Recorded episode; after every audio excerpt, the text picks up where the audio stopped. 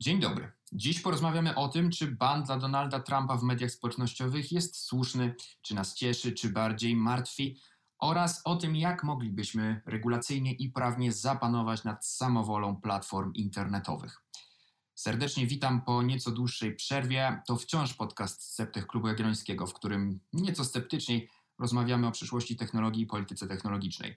Moim dzisiejszym gościem jest Kamil Mamak, doktor nauk prawnych, asystent w Katedrze Prawa Karnego Uniwersytetu Jagiellońskiego, autor bloga criminalfuture.com, a ja nazywam się Bartosz Paszcza i w Klubie Jagiellońskim zajmuję się nowymi technologiami. Cześć Kamilu. Cześć, dzięki za zaproszenie.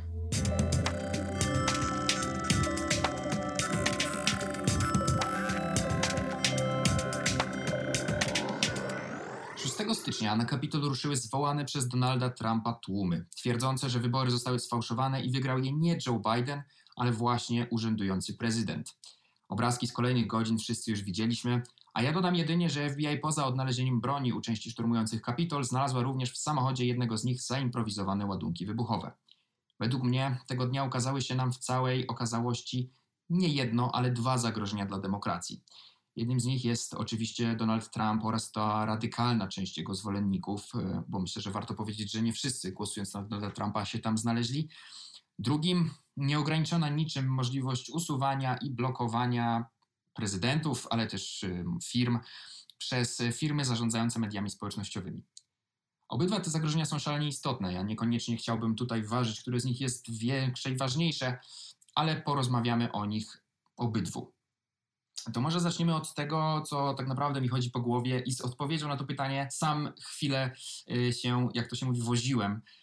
To znaczy, Kamil, czy ty się ucieszyłeś z tego, że Donald Trump dostał w końcu bana na, na mediach społecznościowych, czy raczej nie? I czy uważasz, że to słuszna decyzja? Tak, częściowo tak, ale nie dlatego, że tutaj y, pierwsze, pierwsze skrzypce grały jakieś sympatie polityczne, ale ucieszyłem się na takiej samej zasadzie, jak ucieszyłem się, jak na początku na pandemii y, usuwano treści y, związane z koronawirusem, na przykład filmy przez jednego z takich guru polskich altmedowców, którzy twierdzili, w jaki sposób mamy leczyć koronawirusa. To usuwano z YouTube'a, żeby ludzie nie zapoznawali się z tą treścią, nie robili sobie krzywdy. Na takiej samej zasadzie. Uznałem, że to jest taka, taka ulga, polegająca na tym, że możliwe, że większe zło zostanie zatrzymane właśnie przez taką decyzję. Czyli, czyli zgadzasz się z tym banem, a czy sądzisz, że w ogóle Donald Trump powinien wcześniej dostać bana? No bo przecież głosy takie się pojawiły. Widziałem na przykład tweeta mm, Karola Paciorka, który stwierdził, że w sumie to się cieszy, ale to powinno zostać zrobione 4 lata temu. To znaczy Trump powinien dostać bana 4 lata temu. Z tym byś się zgodził? Znaczy nie wiem, czy 4 lata temu, bo trochę też tak łatwo nam mówić, y, do czego doprowadziła czyjaś polityka z perspektywy czasu. Można się mądrzyć, że to powinniśmy już zrobić coś wcześniej, albo na przykład to samo jest w y, kwestii takiej polityki historycznej. Mówimy, że na przykład Polska powinna się w 40 roku, w 39, 33 zachować w jakiś określony sposób, bo wiemy, do czego to doprowadziło. Nie wiem, czy w 2015 roku, czy w 2016 roku Donald Trump y, było takie oczywiste, że będzie sprawowało takie zagrożenie. Myślę, że część osób myślała, że to jest jakieś przewietrzenie establishmentu politycznego i niekoniecznie musi to doprowadzić do jakichś takich y, eskalacji, jakich mamy do czynienia w 2021 roku.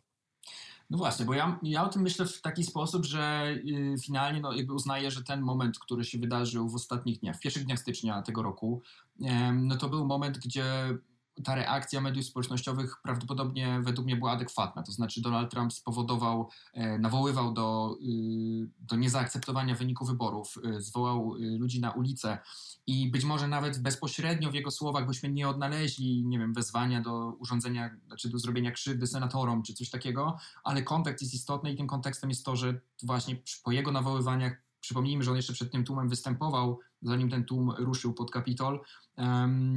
Ten tłum właśnie wszedł do Kapitolu, gdzie no, tworzył zagrożenie dla zdrowia i życia również demokratycznie wybranych y, przedstawicieli w parlamencie. Więc y, nie będę, nie mam, y, nie mam tutaj zamiaru bronić tej decyzji w tym momencie. Znaczy, wydaje mi się, że w tym momencie ograniczenie zdolności do formułowania przekazu jest kwestią być może pewnego dobra publicznego. Chociaż przychodzi mi przyznanie tego z trudem, bo do tej pory znaczy z trudem, może nie z trudem, bo Donald Trump nigdy nie był jakimś moim ulubionym politykiem, delikatnie mówiąc, ale do tej pory y, przecież głosy o tym, że Donald Trump powinien dostać bana już y, się pojawiały wielokrotnie i ja się z nimi nie zgadzałem, bo uznaję je trochę za obrażenie się na rzeczywistość, to znaczy to nie jest walka z dezinformacją, bo mamy do czynienia z prezydentem, który naprawdę mówi, co uważa.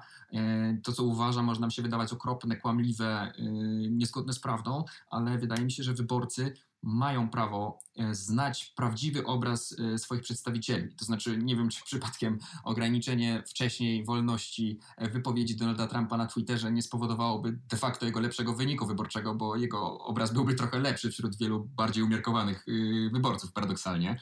E, oczywiście mam też problem taki, że wiele mediów, e, czy część mediów e, nawołujących do, do ostrzejszego zachowania się wobec Donalda Trumpa, no, cytowało te tweety koniec końców, więc w sumie oni też je w pewien sposób pomagali rozpropagować, co według mnie jest słuszne, zasadnicze, bo ich rolą mediów jest też informowanie, no ale to pokazuje trochę absurd tej sytuacji, której ktoś rok czy dwa lata temu chciał Trumpa usunąć z internetu. Mm, natomiast faktycznie ja szczerze mówiąc zupełnie nie odczuwałem radości, w tym sensie, że to po pierwsze bardzo kryzysowy moment oczywiście, ale w drugim sensie dlatego, że to o czym e, i ty i ja i wiele innych osób mówimy od, od paru lat, czyli ta wszechwładza moderacyjna sieci społecznościowych się ukazała nam zupełnie w pełni. E, I gdybyśmy mieli komuś, kto się obudziłby ze śpiączki po czterech czy pięciu latach, dzisiaj wytłumaczyć, że właśnie media społecznościowe i tak naprawdę przecież paru ich prezesów zdecydowało o tym, żeby usunąć e, przekaz i usunąć osobę e, prezydenta Stanów Zjednoczonych jeszcze urzędującego w momencie nagrywania tego podcastu z, z możliwości wypowiadania swoich słów w internecie, to prawdopodobnie ta osoba złama, złapałaby się za, za głowę. I to jest... Mnie trochę, mnie mhm. trochę smuci w tej całej też sytuacji to, że tak jakby wybiórczo jest traktowana ten e, Stany Zjednoczone. Wiadomo, że to się wszystko dzieje w Stanach Zjednoczonych, te platformy tam są, e, mają swoje siedziby, ale jakby z całym no, no, wiem, rzeczywiście te, te obrazki z Kapitolu wyglądały przerażająco, ale przecież w różnych częściach świata e, dzieją się podobnie tragiczne sytuacje, może nawet jeszcze bardziej. I za pomocą platform tych samych społecznościowych e, autokraci wypowiadają swoje twierdzenia i nikt z tych platform nic z tym nie robi, więc to tutaj trochę chciałbym, żeby to było szerzej zastosowane. No bo tutaj jakieś takie prawdziwe niebezpieczeństwo to czyha właśnie w tych małych krajach, o których tam niewiele z perspektywy tego mainstreamu światowego się, się mówi. Tak. Zdecydowanie. No zresztą mamy, y, zdaje się, raport ONZ-u o, o, o wydarzeniach, y, o ludobójstwie Rohingjów w Mianmie, czyli dawnej Birmie. Raport, który znaczną część winy za, za eskalację tych nastrojów y, przypisywał, przypisywał właśnie komunikacji w mediach społecznościowych, w szczególności na Facebooku. Facebook zasłaniał się, że miał po prostu niewystarczającą liczbę moderatorów. No i takie rzeczy się, się, dzia, się dzieją szczególnie tam, gdzie właśnie media nie są tak silne i uwaga globalnych y, dziennikarzy nie jest tak silnie skupiona jak na Stanach Zjednoczonych. To, to zupełna racja. A jeszcze do tego wrzucę jeden kamyczek.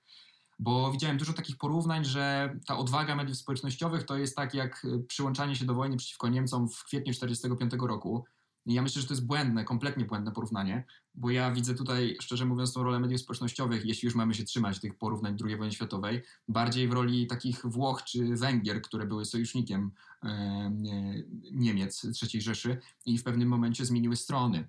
Znaczy, wydaje mi się, że po pierwsze, tu mamy badania, zdaje się, że samego Facebooka pokazujące, że duży, chyba ponad połowa, około 60% zdaje się, osób dołączających do radykalnych grup na Facebooku robi to dlatego, że ta grupa pokazała się, była im zarekomendowana przez algorytm. Um, czyli pokazała się jako taka grupa, zobacz tę grupę, może tam e, warto dołączyć. E, mamy też przykłady whistleblowera, który pracował na YouTubie, nazywa się Guillaume Chaslot, przepraszam, francuskie nazwisko, więc mało, nie, nie, potrafię go na pewno wymówić poprawnie, który pokazywał, że nawet przy wpisywaniu swego czasu na YouTubie po prostu słowa papież, to najczęściej pokazywały się filmiki o papieżu antychryście, a nie, e, nie jakieś tam informacyjne czy związane z stolicą apostolską. E, więc tak naprawdę media społecznościowe odegrały kluczową rolę w tej eskalacji nastrojów. To nie umniejsza winy Donalda Trumpa, ale to algorytmy również, algorytmy, które żyją z emocji, które żyją z kontrowersji, e, platformy, które żyją z tej kontrowersji, utrzymują w ten sposób naszą uwagę, pełnią tutaj bardzo, bardzo ważną rolę. I w tym sensie ja uważam, że to nie jest tylko kwestia w ostatniej chwili dołączenia się do obozu dobra, jakby niektórzy chcieli to widzieć, tylko po prostu pewna zmiana frontów, ale też taka zmiana trochę trochę, trochę połowiczna, no bo z algorytmami nic nie zrobiono, po prostu podjęto decyzję wobec Trumpa i teraz uznajemy, że problemu nie ma, media społecznościowe się tym zajęły i idziemy dalej. To chyba też, do końca nie jest tak, bo platformy też do końca same nie rozumiały tej całej swojej roli. Tam ciężko mi wyobrazić sobie, że tam osoby, które stoją za tymi platformami, one mają jakiś taki wielki masterplan dotyczącego tego, w jaki sposób y, kontrolować ten świat. Raczej to ta, ta, ta duża władza, która jest związana z tym, co oni robią, raczej jest dla nich trochę przypadkowa i dopiero oni na przykład różni badacze pokazują, w jaki sposób, to w jaki oni sposób rekomendują pewne treści, wpływa na tą rzeczywistość. Nawet trochę oddalając się trochę od polityki, ale pozostając na kwestii algorytmów y, z mediów społecznościowych, no to tutaj ja się zajmowałem przez jakiś czas takimi kwestiami związanymi z antyszczepionkowcami. No mhm. i też w podobny sposób, jak wspominałeś, że te, te kwestie dotyczące z papieżem były rekomendowane, to przez pewien czas też były rekomendowane kwestie z y, antyszczepionkowcami, bo one tak. łączące jakieś niekorzystne skutki szczepień znaczy niekorzystne skutki ze, ze, szczepieniami. I to było tak, że przez długi czas te treści były rekomendowane, bo one budziły bardzo dużo y, emocji, ale po jakimś czasie, jeżeli się platformom pokazało, że y, coś jest nie tak, że należy coś zmienić, to się trochę tam zmieniało. I teraz na przykład jak wrzuciłem ostatnio jakąś, jakąś treść dotyczącą szczepionek i ktoś próbował pokazać, że jest zupełnie inaczej, udostępniając treści antyszczepionkowe, to to zostało automatycznie zbanowane. I też czytałem mhm. badania właśnie, że te, te algorytmy zostały jakoś dostosowane do tego, żeby te szkodliwe treści usuwać. Więc myślę, że to jest taki proces, y, proces, który trwa i ta decyzja w sprawie Trumpa to też nie jest pierwsza decyzja, bo przecież jeszcze kilka tygodni wcześniej y, zaczęto wskazywać pod jego wpisami, że oficjalne źródła twierdzą inaczej. Więc to jest taki, to, to, to, to, był tylko jeden z elementów procesu, który trwał, a nie jakiś przełomowy moment. Może taki najbardziej widoczny, ale nie jedyny. Ja się, ja się oczywiście zgodzę, że to nie jest tak, że to jest jedyna rzecz, którą media społecznościowe w ostatnich 4 latach zrobiły i widzieliśmy więcej aktywności, więcej y, uwagi temu, temu to, tematowi poświęconej. I, I, tak, to jest skutek uboczny, e, skutek uboczny działalności mediów społecznościowych, ale jednak mam wrażenie, że y, i to też przecież powoli, dopiero po, po wielu, wielu miesiącach y, te media społecznościowe zaczęły przyznawać, że nawet jak już zaczęły docierać sygnały o tym skutku ubocznym, to reakcja jednak była bardzo powolna. Znaczy, YouTube'owi zajęło parę lat, yy, musiało odejść paru whistleblowerów, którzy próbowali coś zmienić w firmie i, yy, i niestety to im się nie udało, zanim ten. Yy, zanim zwrócili uwagę na ten problem etyki tej, tej działalności, w tym sensie, że te skutki uboczne faktycznie zaczynają mieć znaczenie. No i wydaje mi się, że to też nie był jakby aż taki priorytet. Znaczy, wydaje, to są ogromne firmy, które mają dziesiątki tysięcy wybitnych specjalistów, inżynierów, e, również od tej strony, nazwijmy to inżynierii społecznej, w sensie zdobywania naszej uwagi, e, nie że zmiany naszych poglądów, może w ten sposób. I gdyby to faktycznie stało się absolutnym priorytetem, to w dużej mierze mm, dziś te algorytmy mielibyśmy, powiedzmy, wprowadzoną przejrzystość tych decyzji moderacyjnych, mielibyśmy wprowadzoną przejrzystość tych decyzji algorytmicznych. To, że ruch QAnon powstał w 2017 roku, a właściwie media społecznościowe zaczęły reagować pod koniec 2018, w 2019 i tak naprawdę w 2020 dopiero na większą skalę, no to nie jest przypadkiem. Te trzy lata dano mu na rozwój i on teraz już może sobie istnieć bez pomocy algorytmów. Dobrze, tylko gdybyśmy porównali to do państwa, gdyby państwo miało podobny problem i państwo zarządzało takimi rzeczami, no to czy by państwo y, wcześniej zareagowało? Oczywiście też mam pretensje do tego, że media wcześniej, społecznościowe wcześniej nie zareagowały w ten sposób, że zaczęły jakoś te swoje y, algorytmy dostosowywać do tej rzeczywistości. Y, ale można sobie zadać pytanie, czy można było szybciej, albo czy, czy, czy można realnie oczekiwać, że takie rzeczy będą się działy szybciej. No przecież to się jest kwestia kilku lat. Jeżeli jakaś jest mhm. polityka w państwie, i ona jest nie tak, no to ona często po dekadzie się zmienia, albo po, po, po dwóch dekadach. Mamy oczekiwania, że w tych czasach mediów społecznościowych i nowych technologii wszystko powinno zmieniać się szybciej. Ale to są tacy sami ludzie, w sensie mają te same właściwości ich umysły, co ludzie, którzy siedzą na przykład w polityce. E, więc e, ja nie wiem, czy można tak bardzo oczekiwać, że oni będą to zmieniali z, z miesiąca na miesiąc.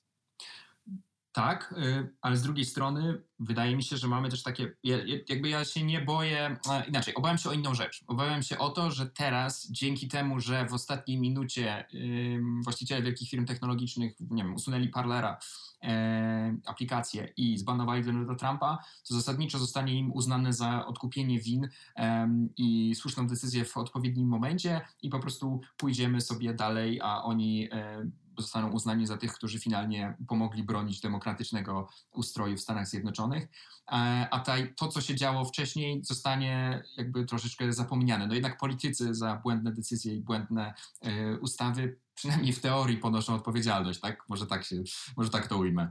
Mm, I to jest ta różnica, której, e, którą tutaj widzę. No ale zobaczymy, może to nie jest słuszny scenariusz.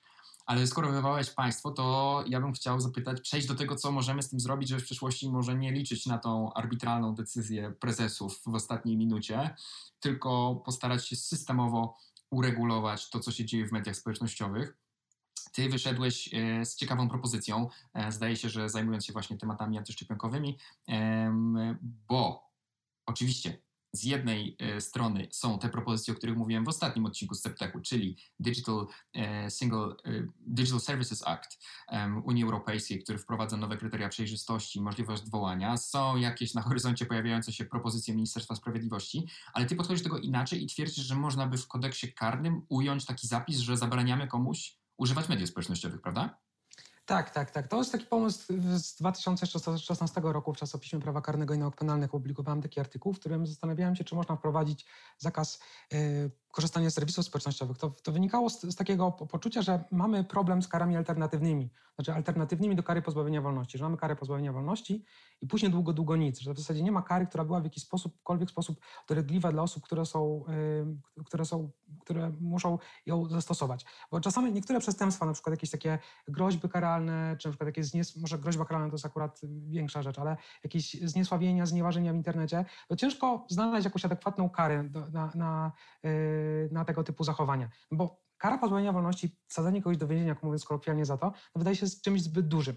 I tak próbowałem się mhm. zastanawiać, w jaki sposób można tę pustkę wypełnić. No i takim tropem było to, że dla wielu ludzi ważne są media społecznościowe, dużo czasu tam e, spędzamy. Niektóre przestępstwa są za pomocą właśnie tych mediów społecznościowych e, popełniane, więc jeżeli, e, mielibyś, jeżeli to jest takie ważne dla człowieka, to w sytuacji, w której popełnił przestępstwo za pośrednictwem platformy społecznościowej, sąd by zakazał takiej osobie przez na przykład rok czy dwa korzystania z platformy społecznościowej, to ta osoba by odczuła rzeczywiście taką dolegliwość z tym związaną. Codziennie musiałaby mierzyć się z tym, że właśnie popełniła przestępstwo i nie może uczestniczyć w tym życiu społecznym. To nie byłaby taka kara, że musiałby iść do więzienia, więc nie musielibyśmy marnować życia tej, tej, tej, tej osoby, mówiąc mhm. kolokwialnie, ale też byłaby na tyle dolegliwa, że mógłby to odczuć na, na własnej skórze, a może dzięki temu też e, jakość debaty publicznej w internecie by się e, polepszyła, bo te osoby, które najbardziej toksyczne by e, koniec końców wyleciały z tych mediów społecznościowych.